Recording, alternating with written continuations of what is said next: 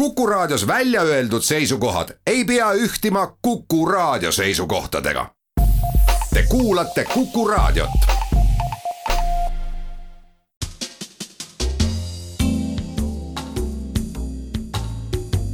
tarkade klubi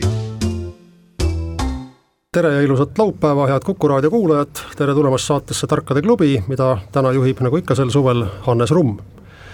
Mul on hea meel teiega taas kohtuda sel kenal ja väärika ajalooga päeval.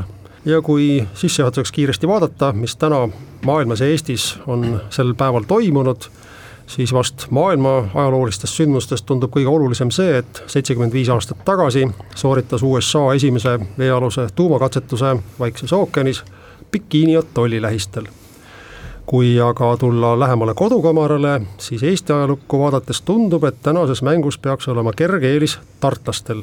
sest just Taara linnas toimus täna, tuhat üheksasada üheksakümmend kaheksa, selline suursündmus, et ukse tabas linna suurim büroohoone, Emajõe ärikeskus ehk rahvalikult Pläsku. usun, et see teadmine tiivustab Matist ja Toivot, kes täna esindavad Emajõe Ateenat ja olemegi täna siis tagasi tavapärase saateformaadi juures pärast kahte väärikat etteastet suvepealinnastelt Pärnust. jätkame Tallinn-Tartu linnavõistlusega ja Tartu tiimis jooksevad täna pallimurule Matis Song, spordikoolituse ja teabe sihtasutuse toimetaja, tere Matis! tervist! ja Matise kohta võib öelda, et põlise jalgpallifännina oli tema senise suve tipphetk muidugi Euroopa meistrivõistlused ja eriti võlus teda siis majandusmagister Chiellini etteaste ja Madise mängukaaslane on täna Toivo Kreek, oma sõnutsi jõudeinimene ja arhitektuuriloolane, tere tulemast, Toivo! Tervist! ja ka Toivo on üllatus-üllatus jalgpallifänn, kes on ise kunagi väravapostide vahel seisnud ning samuti loomulikult Itaalia fänn.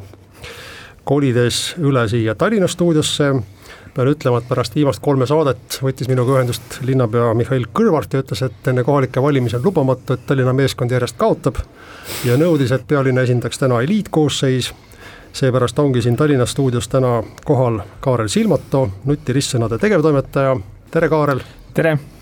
Kaarel on ka loomulikult jalgpallifänn, pidas loomulikult pöialt Itaaliale ja täitsa üllataval kombel on ka ise edukas väravaht, kes pallib Eesti neljandas liigas. ja Kaarelil aitab siis äh, täna pealinna au kaitsta Viljar Alnek, audiitor ja nõustamisfirma KPMG riskinõustamisteenuste juht, tere Viljar! tere! ja Viljar on täna ainsa mälumängijana Kossu fänn ja on sel suvel jalgpalli asemel nautinud neid asju, mida pandeemia tõttu eelmisel suvel teha ei saanud. Aga lähemegi tänase mängu juurde ja tänase mängu teemad on. Esiteks Isamaa ilu hoieldes, teiseks ütle mulle oma telefoninumber, kolmandaks lendas vares harakas, kuljakaaren nupukas, neljandaks ameteid on kõigil meil. Ning viiendaks põgene vaba laps. Nagu kuulajad on juba harjunud, iga teema on siis laenatud mõnest äh, Eesti tuntud poplaulust ja viitab siis sellistele akadeemilisematele mälumängu valdkondadele. Ja kuna Tallinn on järjest kaotanud kolm kohtumist, siis anname teemavaliku õiguse esimese mängu alguses Tallinnale. palun, Kaarel ja Viljar.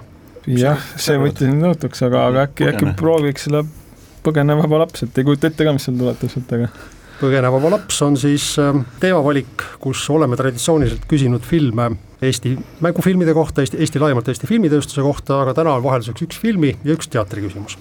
Aga alustame siis klassikalise filmi küsimusega, mis on valminud koostöös filmikriitik Tristan Priimäega, on valminud siis niimoodi, et Tristan on kirjutanud suurepärase raamatu Sada üks Eesti filmi ja mina olen võtnud sealt küsimuse. ja küsimus kõlab nii tuhande üheksasaja seitsmekümne üheksandal aastal anti Trieste rahvusvahelise ulmefilmide festivalil peapreemia Kuldasteroid stuudio Zespoli Filmove ja Tallinn filmi koostöös valminud teosele Navigaator Pirks. Filmi režissöör oli Marek Kestrak, helilooja Arvo Pärt. mina küsin teilt aga, millise pealkirjaga film sai hõbeasteroidi? Tallinn film edestas siis filmi, mille režissöör oli keegi Ridley Scott tema üksteist miljonit dollarit maksnud eelarvega film kogus juba esimesel aastal sada kuus miljonit dollarit kassatulu ning seda filmi ja tema järjelugusid vaadatakse tänaseni.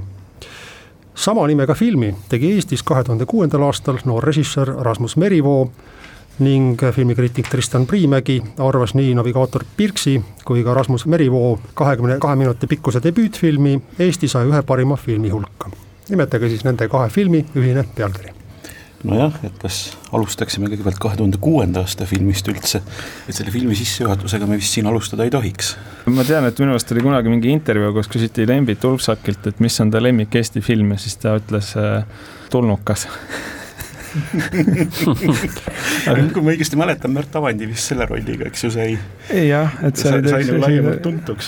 et nagu näha on meie tänased. Inglise keeles siis jah, Alien. Alien jah. nagu näha on meie Tallinna mängijad väga hästi kursis Eesti kultusfilmide ajalooga, tõepoolest siis ähm, kahe tuhande kuuendal aastal Rasmus Merivoo tegi filmi täispealkirjaga Tulnukas ehk Valdise pääsemine üheteistkümnes osas mille peaosades olid Märt Avandi ja Ott Sepp ja Ridley Scott oli teinud siis samanimelise filmi mõnevõrra varem ja jäänud rahvusvahelisel festivalil oma teosega siiski Tallinn filmi tööle alla.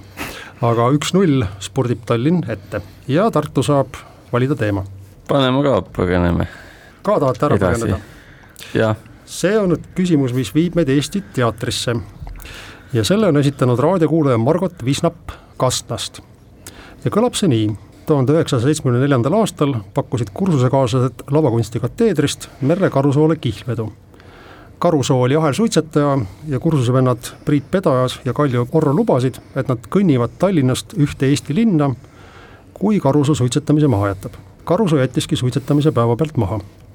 kuhu kõndisid jaanuarikuus kooli vaheajal Pedajas ja Orro ütlen niimoodi, et isegi kui õiget vastust sellele küsimusele ei tule, siis punkt mängitakse välja igal juhul vaatame siis vastuste pealt, kes oskas paremini ära arvata selle kilometraaži, mille kaks noort näitlejat läbisid. Seal äh, sellest äh, põhimõtteliselt tulevikus teeb Andres Maimik minu arust filmi, kus on siis nende Priit Pedajase ja Kaljo Orra koolivend siis Jan Uuspõld peab saama kas Tallinnast Tartusse. Läksid jala ja see vist sai ka teoks, nagu ma sain aru, mõnest raamatust olen lugenud ja mäng on alanud väga resultatiivselt, tõepoolest õige vastus on see, et Kaljo Orro ja Priit Pedajas kõndisid siis kooli vahel jalgsi Tallinnast Tartusse. oluline lisada, et matk kestis neli ja pool päeva, nad olid rohkem siis sellised Toomas Nippernadi tempos kõndivad mehed, mitte Bruno Jungi tempos kõndivad mehed mm -hmm. ööbisid, kus juhtus ja siis iga kümne kilomeetri tagant riputasid või kinnitasid kuidagi verstaposti külge perfokaardi, mille järgi pärast sai kontrolli, kas nad tõesti on, on selle distantsi läbinud. aga Tartu pigistab sellega seisu üks-üks ja palun Tallinn no vot, kui teaks nüüd, mis selle telefoninumbri taga on, on ju, võib-olla prooviks ikkagi seda ameteid on kõigil meil. nii, proovime siis ja. ametite küsimusi esimene küsimus sarjast Ameteid on kõigil meil viib meid ajaloos mõnevõrra tagasi. eriti tütarlapsed mäletavad legendaarset raamatu illustreerijat Siimas Koppi ja tema töid, mis aastakümneid siis ehtisid erinevaid muinasjuturaamatuid. aga kui Siimas Kopp, kes oli rahvuselt juut, lõpetas enne teist maailmasõda juudi gümnaasiumi, siis oli ta pärit nii vaesest perest, et kunsti õppimiseks tal raha polnud ja ta läks tööle tema töökoht asus Pikal tänaval Tallinnas, just selles majas, kus praegu on Vene saatkond. ja kuna tegemist oli juudiga, siis loomulikult oma elu päästmiseks enne sakslaste tulekut põgenes ta neljakümne esimese aasta suvel Nõukogude tagalasse. Õnneks taipas Škopp kaasa võtta oma töövahendi, mille abil ta oli pärast gümnaasiumit endale elatist teeninud. Kuna Nõukogude tagalas sellist asja kellelgi polnud, teenis ta nende abil kenasti endale äraelamise kogu sõja jooksul. ja minu küsimus ongi, mis ametit siis Siimas Kopp pidas enne seda, kui temast sai kunstnik ja mis vahendi ta võttis endale Nõukogude tagalasse kaasa, mis teda siis kenasti aitas ennast terve okupatsiooniaja või terve sõjaaja ära toita. täpsustav küsimus, et kas vahend või vahendid? Võib olla nii ainsuses kui ka mitmuses. sest äh, ma noppisin ka välja, et see oli nagu nende abil ja räägiti töövahend, et, et siis nagu Täpselt esimene mõte oli kohe käärid või midagi, noh, mis on eesti keeles nagu üks vahend, aga, aga samas mitmuses või niimoodi, aga, aga noh, neid ilmselt leidub seal tagalas veel, et. Äh, jah, just äh,, sest mul, mul hakkas vaikselt nagu, nagu jooksma sinnapoole, et, et inimesed, kes, eks ju, sel ajal sinna Siberi kanti sattusid, kes õmmelda oskasid, need jäid väga tihti ellu ehk et noh, ma ei tea, tõesti õmblusmasin, käärid sobiks ka nagu sinna, eks, et oskas mm, -hmm. oskas välja lõigata, oskas õmmelda. mingi, mingi telefonineiu või midagi sellist, et noh, see tõenäoliselt nagu no, Siberis väga ei toida, eks. et Siberis ilmselt ka mingisugune kudumisvardad, noh, iseenesest võivad ka toita, aga ma ei tea, kas kudujana. jah, no ütleme, praegu ma olen väga rõivastes kinni, aga kas me, kas me korraks mõtleme mingitele muud valdkondadele, mis tal noh, mingid, ma ei tea, muusik, mingid pillid. jah, aga see on tõenäoliselt pigem midagi sellist, mis toob sulle tõesti noh, nii-öelda leiva lauale, et kui sa sellistes mm, -hmm. eks ju, oludes oled, et siis sul on vaja, sul on vaja süüa, sul on vaja riideid noh, ehk selline esma, esmatarbe mm. -hmm, esmatarbekaup jah, et äh, kas midagi söögiga no ei, selleks on vaja ikka toorainet ka, on ju. just, et lusikad, kahvlid võivad sul kaasas mm -hmm. olla, isegi potid, aga noh. just. vaevalt, et nüüd ka, et potte, panne ei ole, et tõenäoliselt ikka on pigem. kas on midagi veel? Jah, ma tunnistan, jah, mul jäi nagu natukene praegu mõte jäi kinni sinna selle nii-öelda, ma ei tea, õmblemiseks, kudumiseks vajalike no see on muidugi, oleks selline tore pakkumine küll, sest noh, ega see nõuab ka käelist osavust ja, ja, ja nii, niivõrd hea illustraator kindlasti on käeliselt osav, et ma ei tea. mõtleme, mõtleme korra okay, veel. mõtleme igaks juhuks natukene veel, kuni saatejuht veel lubab, on ju. selles osas oli, oli sul nagu õigus, eks ju, et, et siin võib midagi ju veel olla, mis nõuab sellist osavust. Äh, jaa, et äh, see oli hea point, et, et käe, tõenäoliselt jah, käeliselt osava inimesena mingisugune transpordivahend, no jah, ega tal mingit automehaanik ta ei ole, on ju. jah, ja hobust, hobust koos vankriga kaasa ei võta ja ka neid tõenäoliselt mõned, mõned ja. on. paraku seda, mis seal Vene saatkonnas varem tehti, seda ma pole aimugi, et. kahjuks mitte, jah. küll aga pidi see nagu vanalinnas toimuma, nii et no muidugi neljakümnendal oligi, eks ju, vanalinnas oli, oli hulka rohkem. nojah, seda küll. igasugust asja, mis võib-olla praegu sinna enam ei sobi mm. -hmm nii, aga olete üsna nõudnud no,, palun teil siis. aga vormistame siis äkki kuidagi niimoodi, et ta tegeles äh, rõivaste valmistamisega. igaks juhuks ütlen, et kaheosaline küsimus, et siis mis tööd ta tegi ja mis ta siis kaasa võttis? ta oli selline noh, ütleme siis oli selline õmbleja, kuduja midagi sellest ja võttis kaasa siis oma sellise põhilised töövahendid no ütleme, et võib-olla, no võib-olla ka mingi kudumismasin või midagi sellist, aga noh, pigem mingi stiilis õmblusmasin, käärid kena, kena, teie vastus on äh, väga ammendavalt ära kirjeldatud, aga see ei ole paraku õige vastus ja Tartu saab šansi ette rebida, palun Tartu mm. -hmm. no eks meiegi esimesena mõtlesime, et see õmblemine oli asi, mis seal. jah, aga mina mõtlesin, et kuna on ka vanalinn, siis võiks ju olla ka juuksur, et käärid võtad kaasa, saad ja. inimesi pügada nii, ma jäin ka veel selle peale mõtlema, et kirjutusmasin, et ta seal mingeid kirjatöid tegi, aga aga tea. kuivõrd juba oli jah nendest juttu, siis ikka mitu asja. Nõukogude aeg, seal oli kirjutusmasinasid kaunis, kaunis arvel ja üldiselt erakätesse väga ei soositud neid. seda küll, sellepärast ja nii ka vist ei saa arvata, et ainuke kirjaoskaja seal oleks olnud, nii et see juuksur, juuksur on küll hea mõte, sest ma ei usu, et nüüd ütleme, mingi maniküür oleks seal? seal vist vaevalt see maniküür väga eelistatud, aga juuksurina oli vahel ju vaja kas või täide pärast, jumal teab mis pärast. nojah, siis, siis mitte ainult käärid, kui juba pea ikka paljaks ajada, siis läheb seda lõkat, lõkat, lõkat masinat vaja, nii et et jääme selle juuksuri, juuksuriameti ja juukselõikusmasina ja kääride juurde või on veel midagi mõelda? mina nagu ei oska küll väga mõelda. no nii jääb siis.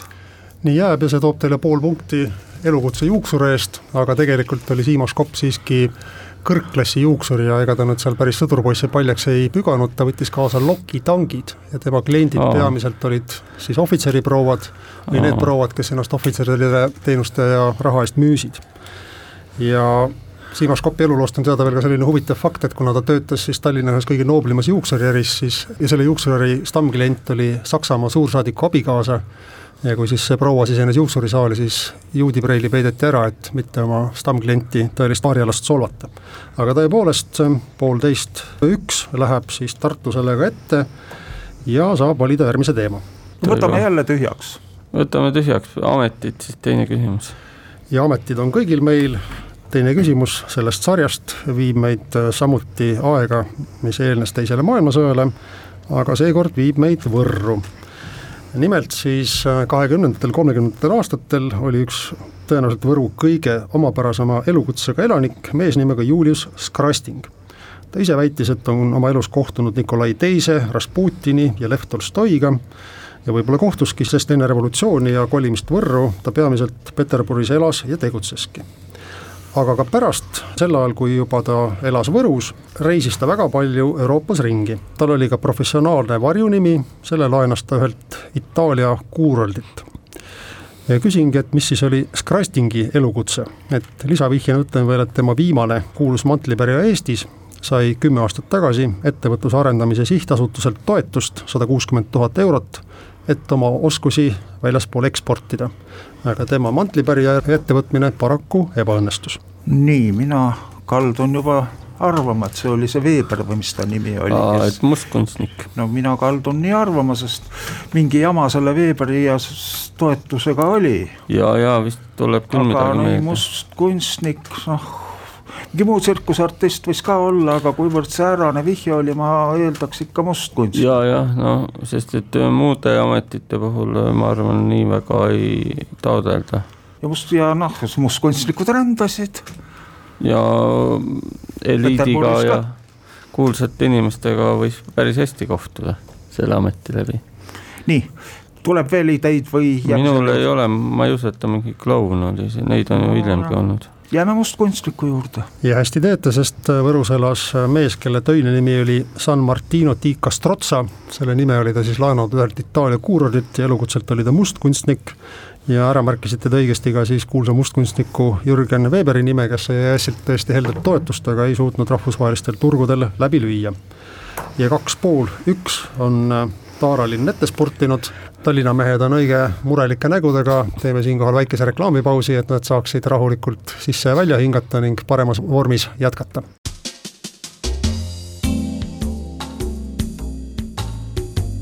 tarkade klubi tere tulemast tagasi Tarkade klubisse, siin Kuku raadios on istet võtnud Tartu meeskonna mängijad Matis Song ja Toivo Kreek ning Tallinna tiimi liikmed Viljar Arnek ja Kaarel Silmato, mina olen Suvine Tarkade klubi saatejuht Hannes Rumm, meenutan teile, et läksime reklaamipausile seisul kaks pool Tartu, üks punkt Tallinn ja sobivalt saabki Tallinn valida järgmise teema. prooviks siis äh, selle, ütle mulle oma telefoninumber ütlen kohe, et äh, avastasin saadet ette valmistades, et Eesti heliloojad on kirjutanud väga vähe laule numbrite kohta. seetõttu pidin valima siis teemaviiteks selle telefoninumbri, aga järgnevas kahes küsimuses ei ole midagi tegemist telefonidega, küll aga numbritega. ja esimene numbrite teemaline küsimus on selline. tavaliselt on meie kultuuriloos olulised numbrid, mis on ühe, kahe või neljakohalised. no näiteks Tammsaare sündis tuhande kaheksasaja seitsmekümne kaheksandal aastal, kirjutas viieköitelise romaanisarja ja teda kujutati kahekümne viie kroonisel rahatähel. aga mina tahan teada, mille poolest on Eesti kultuuriloos oluline number üheksateist tuhat kakskümmend kolm. me kõik teame seda, teie teate seda, tervikuna oleme me halvasti tuttavad, aga näiteks küsitavast need, mida tähistavad numbrid üks, kaks, kolm ja neli ehk neli esimest numbrit on meile kõigile hästi tuttavad. millest jutt? jah üheksateist, null kakskümmend kolm. Üheksateist null kakskümmend kolm, aga see lõpp kõlas, et esimesed neli numbrit sellest numbrireast siis või, või? kui te kuulete, kuidas need üks, kaks, kolm ja neli kõlavad, siis te saate kohe aru, millega on tegemist. see, millest jutt on, on üks tervik ja tervik koosneb üheksateistkümnest tuhandest kahekümne kolmest. okei. okei, Mhm. üks, kaks, kolm ja neli just loeti. see on siis, nii üheksateist tuhat ja kakskümmend kolm, no see peab olema midagi, mida on suht palju, ongi stating the obvious. lehekülgi on see millegi mõttes, eks ju, natuke palju. aga kas see on siis mingid read, stroofid, eks ju, mul hakkas no, kuskile nii. nagu sinna jooksma. see ja kõlab küll nagu niisugune mõnus nelja, esimest nelja, eks ju, tead hästi, noh, vaevalt, et see on mingid tähed selleks on natukene vähe, on ju, noh, üheksateist tuhat kakskümmend kolm, see oleks mingi ma ei tea, lühijutt on ju, üheksateist tuhat tähe, tähe. see on päris lühijutt, jah.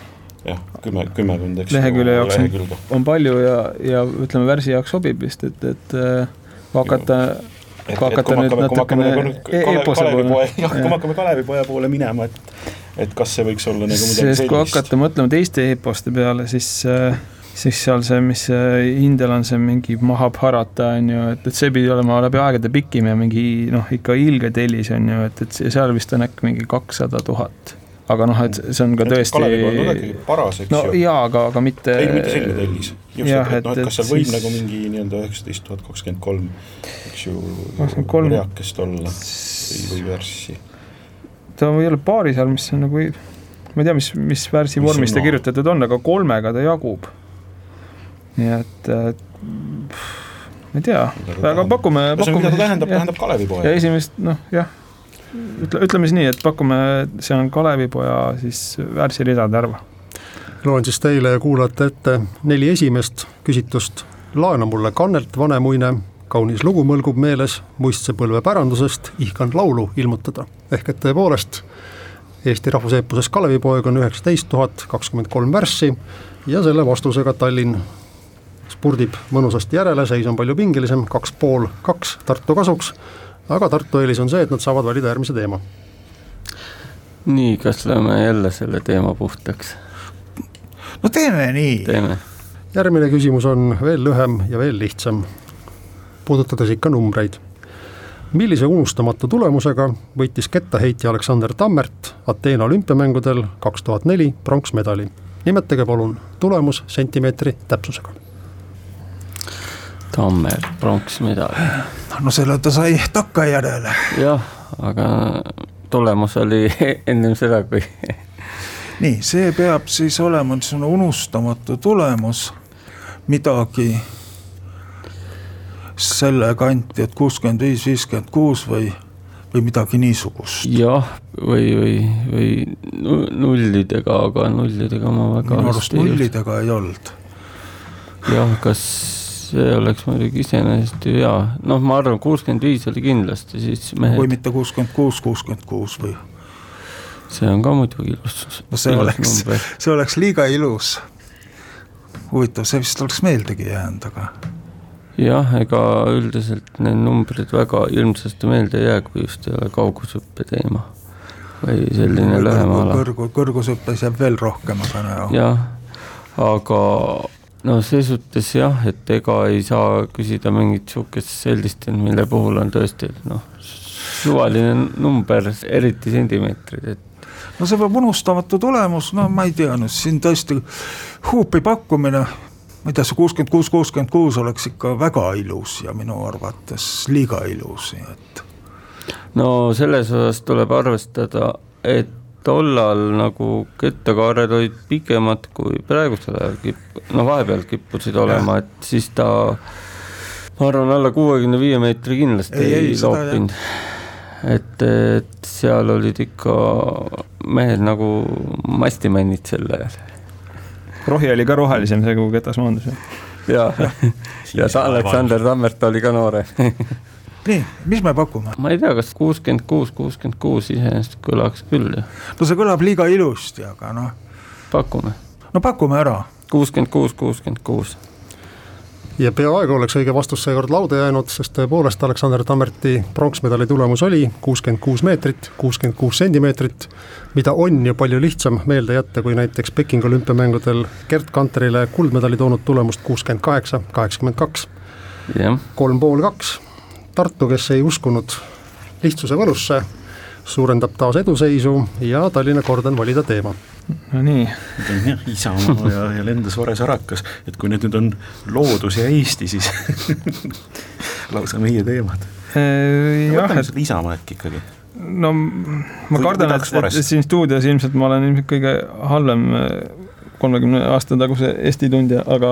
no aga siis võtame, lendas Vares ära. aga proovime, proovime ornitoloogiat äkki jah, lendas Vares ära. pärast on, pärast on head lihtsad. nii, aga siis võtame tänases mängus esimest korda teemaploki Lendas Vares Harakas, Kull ja Kaaren Nupukas ja need küsimused on saatnud meile raadiokuulaja Leho Luigujõe Tartust, kes on üks Eesti parimaid ornitolooge. ja esimene küsimus kõlab Lehol niimoodi. vöötsaba vigled on maailmarekordi omanikud peatusteta lendamises Nad lendavad üle Vaikse ookeani umbkaudu üksteist tuhat kuussada kaheksakümmend kilomeetrit ning kulutavad selle vahemaa läbimiseks ilma peatusteta kümme ööpäeva. aga küsimus on, kust hakkavad vöötsaba vigled septembris lendama ja kus nad talvituvad?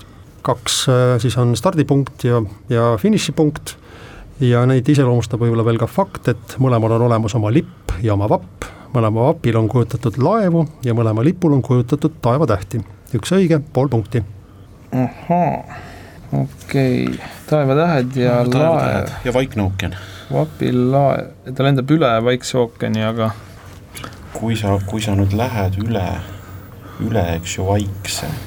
oota, riike on küsitud, jah? küsitud on kus, kohti. kus, okei okay., taevatähed lipul, siis tuleb äkki pähe Alaska, sest Alaskal on, äh, peaks olema põhjavanker ma ei tea, aga, aga samas vapist ma ei tea nagu vapist, küll midagi. no vapist väga ei tea ja teine koht mis.... no vapil on ka neil vist, oota siis, siis neil laeva seal vist. okei okay,, vapp, vapp mul kohe ette ei tule, ma ei tea, kas neil on üldse, ilmselt on, aga. jah, aga ütleme uh., teine, teine koht, äh, ma ei tea, kus on ka taevatähed lipul, Uus-Meremaa. Uus-Meremaa on, Austraalia on. ütleme, kui Brasiilia. üle, üle Vaikse ookeani tulla, hakata tulema, siis nagu Uus-Meremaa vist jääb natukene enne ette isegi. aga tegelikult, kui sa ülevalt poolt tulema hakkad, siis, siis, siis pigem, siis jääb Austraalia enne ette jah, et mm. Austraalia, oota, aga Austraalia vapp, ma tean, et seal on känguru ja emu aga, aga seal see mingi pisidetailina võib seal kuskil ikkagi mingi laev ka olla. mida nad lükkavad seal? mingi Maori, Maori laev asi ei või olla. No vot samamoodi võib olla jah, kahjuks seal võib mõle, mõlemil võib laev olla, et see on tavaliselt vapil on alati nii palju detaile, et kõike ei suuda meeles pidada mm. -hmm. et aga kas üksteist tuhat tuleb niimoodi kokku, et ilmselt tuleb. oli ta üksteist tuhat? kuussada kaheksakümmend keskmiselt mm -hmm. ja oli vist vöötsaba vigle ja lendab üle Vaikse ookeani. no ma ütlen kuulajate jaoks siis, et lendab Vaiksest ookeanist üle siis mitte nii, nagu meie tavaliselt lendame idast läände või läänest itta, vaid põhjast ah, lõunasse. okei okay., et, et tegelikult siis ikkagi, et ta läbib siis terve aja, terve aja ikkagi Vaikset ookeani, mitte, mitte kuskil mujalt. Huhhuhu ja, ja, ja on küsitud, kust, tähendab ikkagi, et, et et Alaska oleks nagu suhteliselt hea pakkumine, sest ta ei ole riik, on ju, ja ta, aga samas ta on nagu nii eraldi, et ta on nagu ja ma hakkasin mõtlema, palju nüüd Hawaiilt on, eks ju, sinna Uus-Meremaale, aga miks sa peaks Hawaiilt Hawaii, lendama talvituma? Hawaii lipul ei ole taevatähti, seal on mingi Union Jack ja siis mingid triibud, minu teada. ja, ja, ja sealt tõesti, et miks sa, miks sa lendaks sealt talvituma, eks ju see, see on hea küsimus jah, et et ma arvan, see pakukski lindudele natuke peamurdmist, et mm -hmm. miks minna. noh, Alaskast mm -hmm. suudaks välja mõelda küll. jaa. miks sa peaks minema? nüüd te olete hämmastanud oma laialdaste geograafia teadmistega ja heraldika teadmistega kõiki Kuku kuulajaid, aga aga ma palun hakata vastust vormistama. no pakume, et see üks põhjapoolsem koht on Alaska. Alaska, jah, ja siis jäävad kas Austraalia või Uus-Meremaa. ja, ja alumine pakuks siis pakuks ikkagi Uus-Meremaad Uus.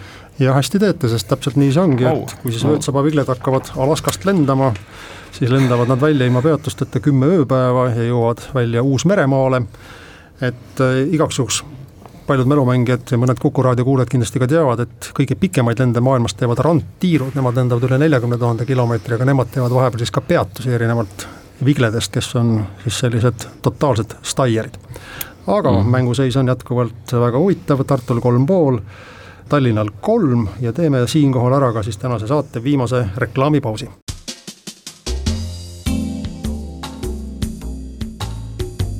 tarkade klubi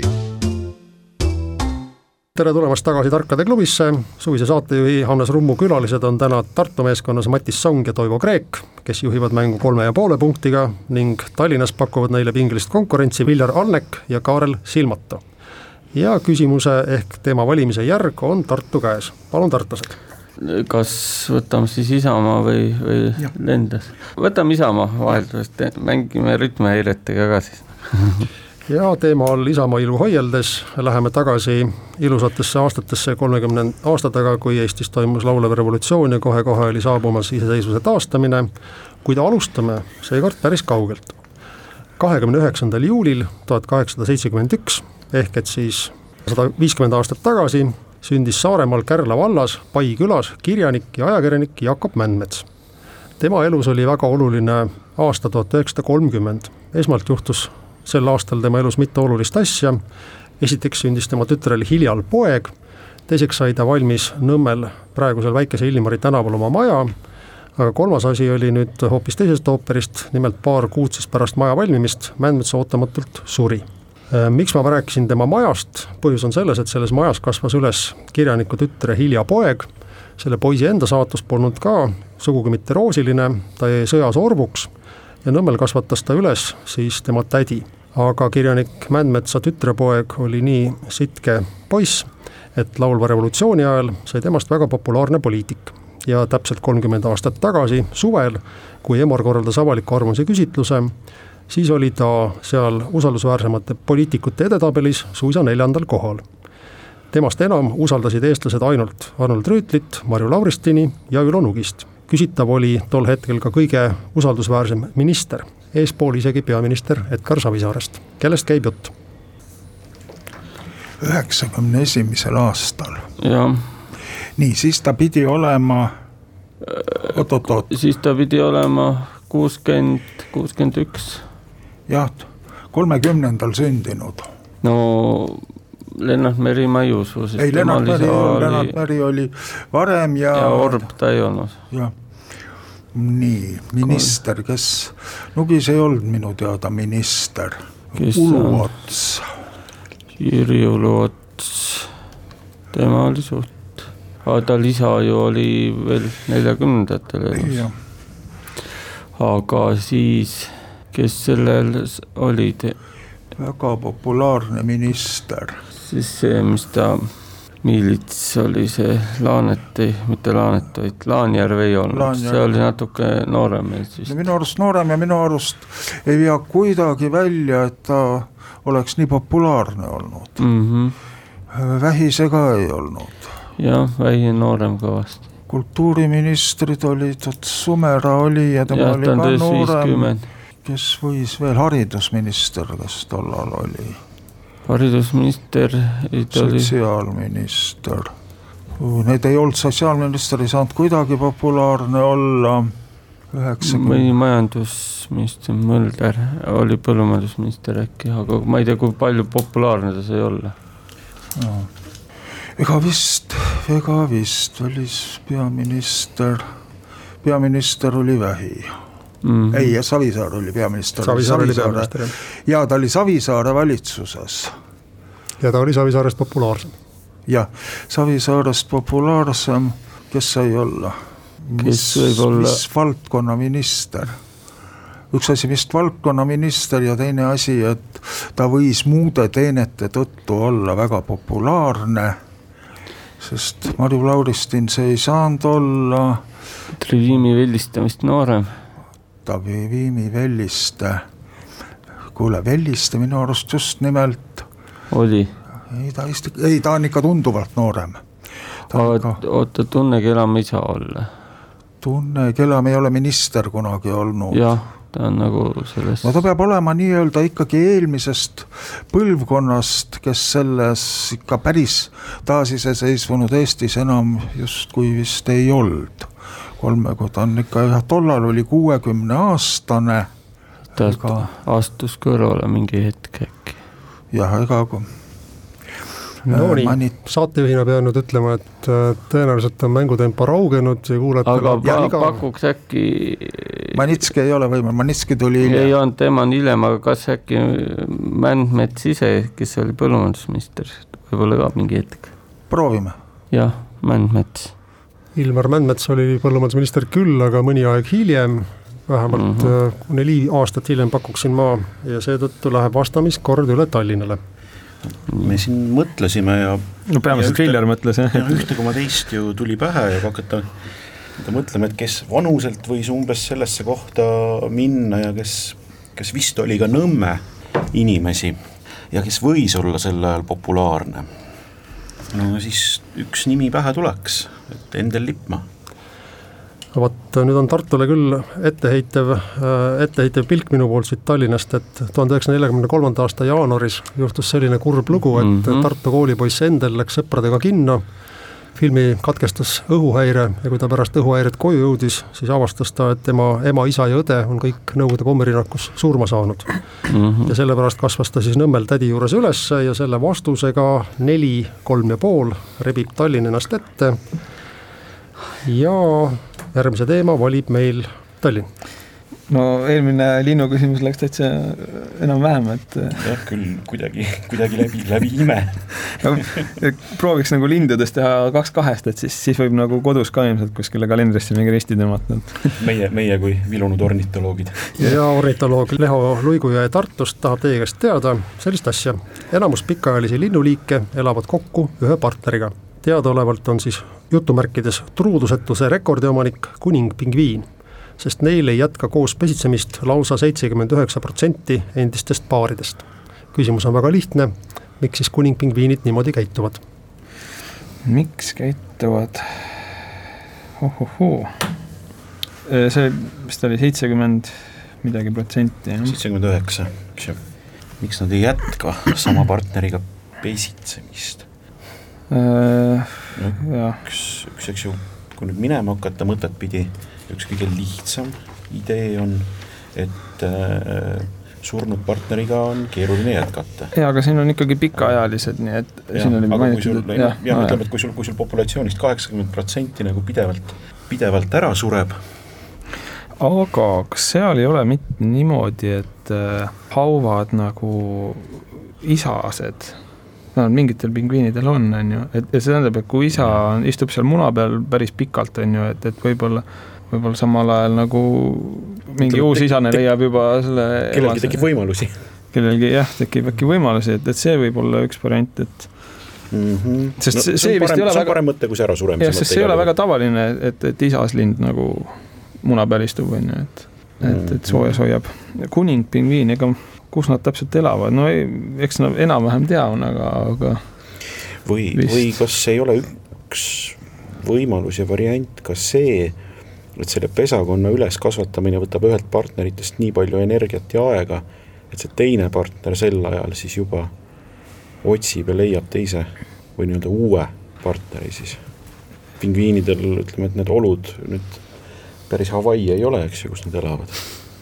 jah, nemad võtsid natukene raskema versiooni jah, et aga jah, ma arvan, et see suure tõenäosusega ongi just sellest, et, et lihtsalt see muna hooldamine võtab nii palju energiat ja, ja, ja ressurssi ja aega kõik ära, et, et siis nii-öelda teisel partneril, kes iganes ta siis on, eks ju, nüüd emane või isane, et ja. jätame igaks juhuks selle lahti, et ta läheb siis nii-öelda ula peale.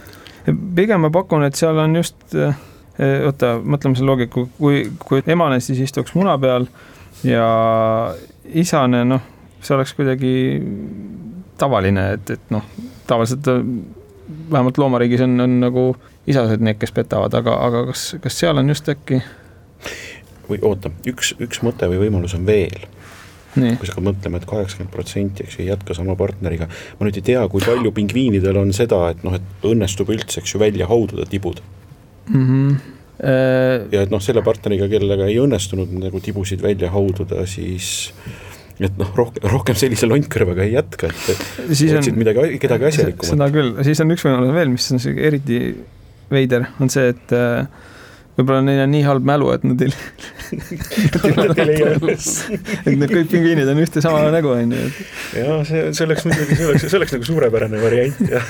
Te olete nüüd ilmutanud erakordset leidlikkust ja pakkunud välja väga värvikaid ja vaimukaid variante, aga ma palun, et, et valiksite ühe neist välja ja sõnastaksite selle ka võimalikult täpselt, mitte laialivalguvalt. aga jääks äkki esimese variandi juurde ikkagi, et, et minu teada vist on see, et ikkagi pingviinidel nagu hauad isased ja kuna see võtab neil ilmselt päris kaua aega, et siis samal ajal saavad nii-öelda teised isased äh, emastele ligi ja, ja. võib-olla sõnastaks, sõnastaks siis võib-olla natukene nii-öelda laiemalt, et, äh, et äh, vastupidiselt. jah, et see, et see võtab nii palju mingit aega või mingit muud ressurssi, et, et siis samal ajal jah või. ja, ja sõnastage nüüd palun ühe lausega niimoodi, et lause algab, lause lõpeb, mõte algab, mõte lõpeb, mina ja kuulaja saame teist aru. või on ikkagi see, et, et äkki, äkki sureb nii palju neid tibusid ära. ei, ärme, ei, jääme ikka. Selle ressursi juurde, okei okay., aga sõnastame ära. ütleme siis niimoodi, et äh, isased istuvad nende munade peal nii kaua, et äh, et emased saavad äh, nii-öelda pesast eemale ja siis tekib uutel isastel võimalus. tänan teid selle vastuse eest ja rohkem omalt poolt midagi lisamata, palun nüüd ka Tartul pakkuda variante kas seal hiljuti lugesin seda Minu Antarktikat ja seal käis nagu sihuke jutt läbi, et kas neil ei olnud niimoodi, et kuna mu-, munad on vaja välja haududa ja kui keegi isastest või ka emastest vist, kes käivad seal haudumas, et, et kui keegi käib ära, siis kohe tuleb asemele teine isane, kes aitab siis edasi haududa, et, et tibud ikka välja kooruksid ja ja muud linnuliigid või ka noh, loomaliike vist väga seal ei ole, et linnuliigid ei käiks neid mune varastamas.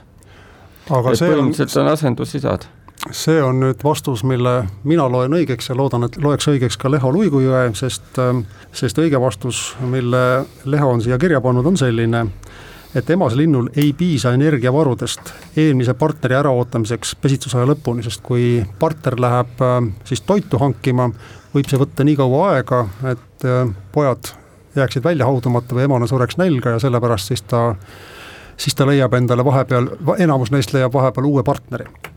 aga mulle ja kuulajatele kindlasti meeldib väga see, et Tartu nokkis siit punkti, sest nad spurdivad seisuks äh, neli pool, neli Tallinnast mööda ja mängu otsustab viimane küsimus ja see tuleb meil samuti sarjast Isamaa ilu hoieldes ja viib meid tagasi taasiseseisvumise kaunitesse päevadesse ja Eestist veidi eemale Leetu.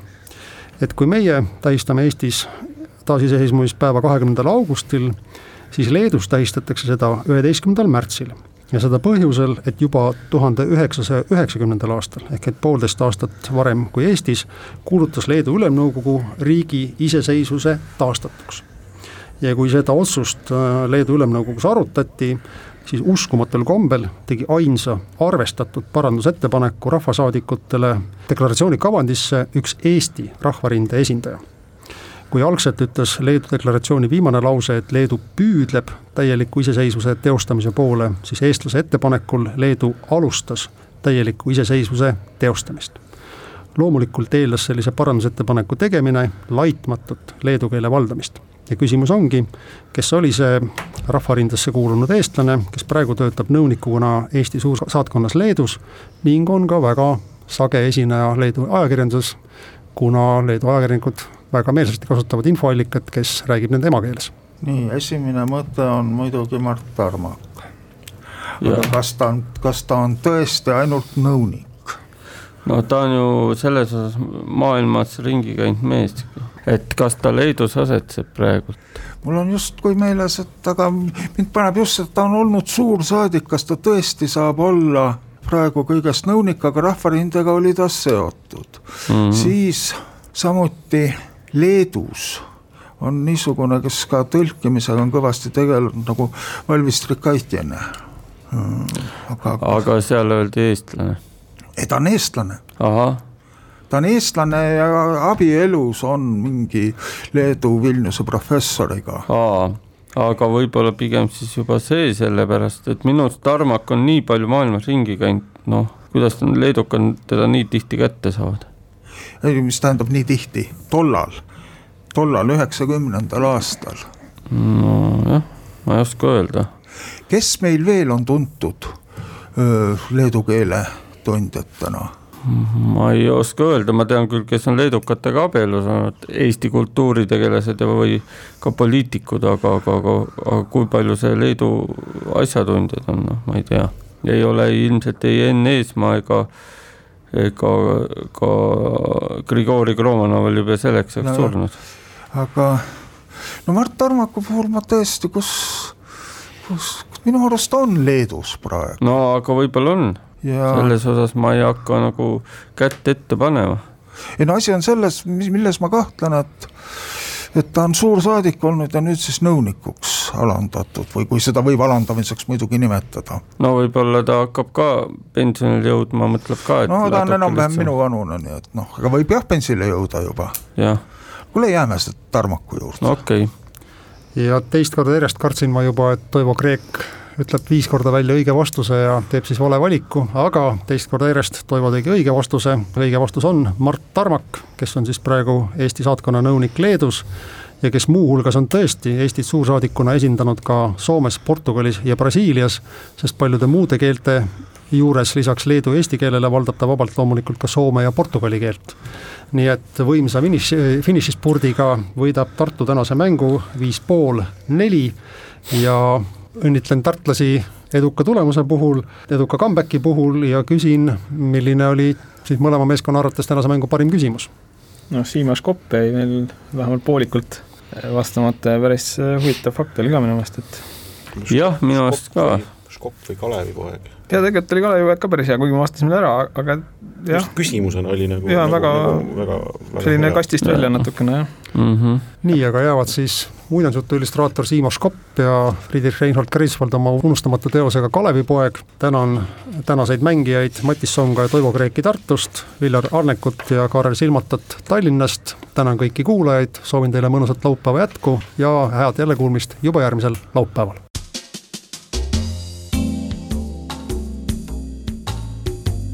Tarkade klubi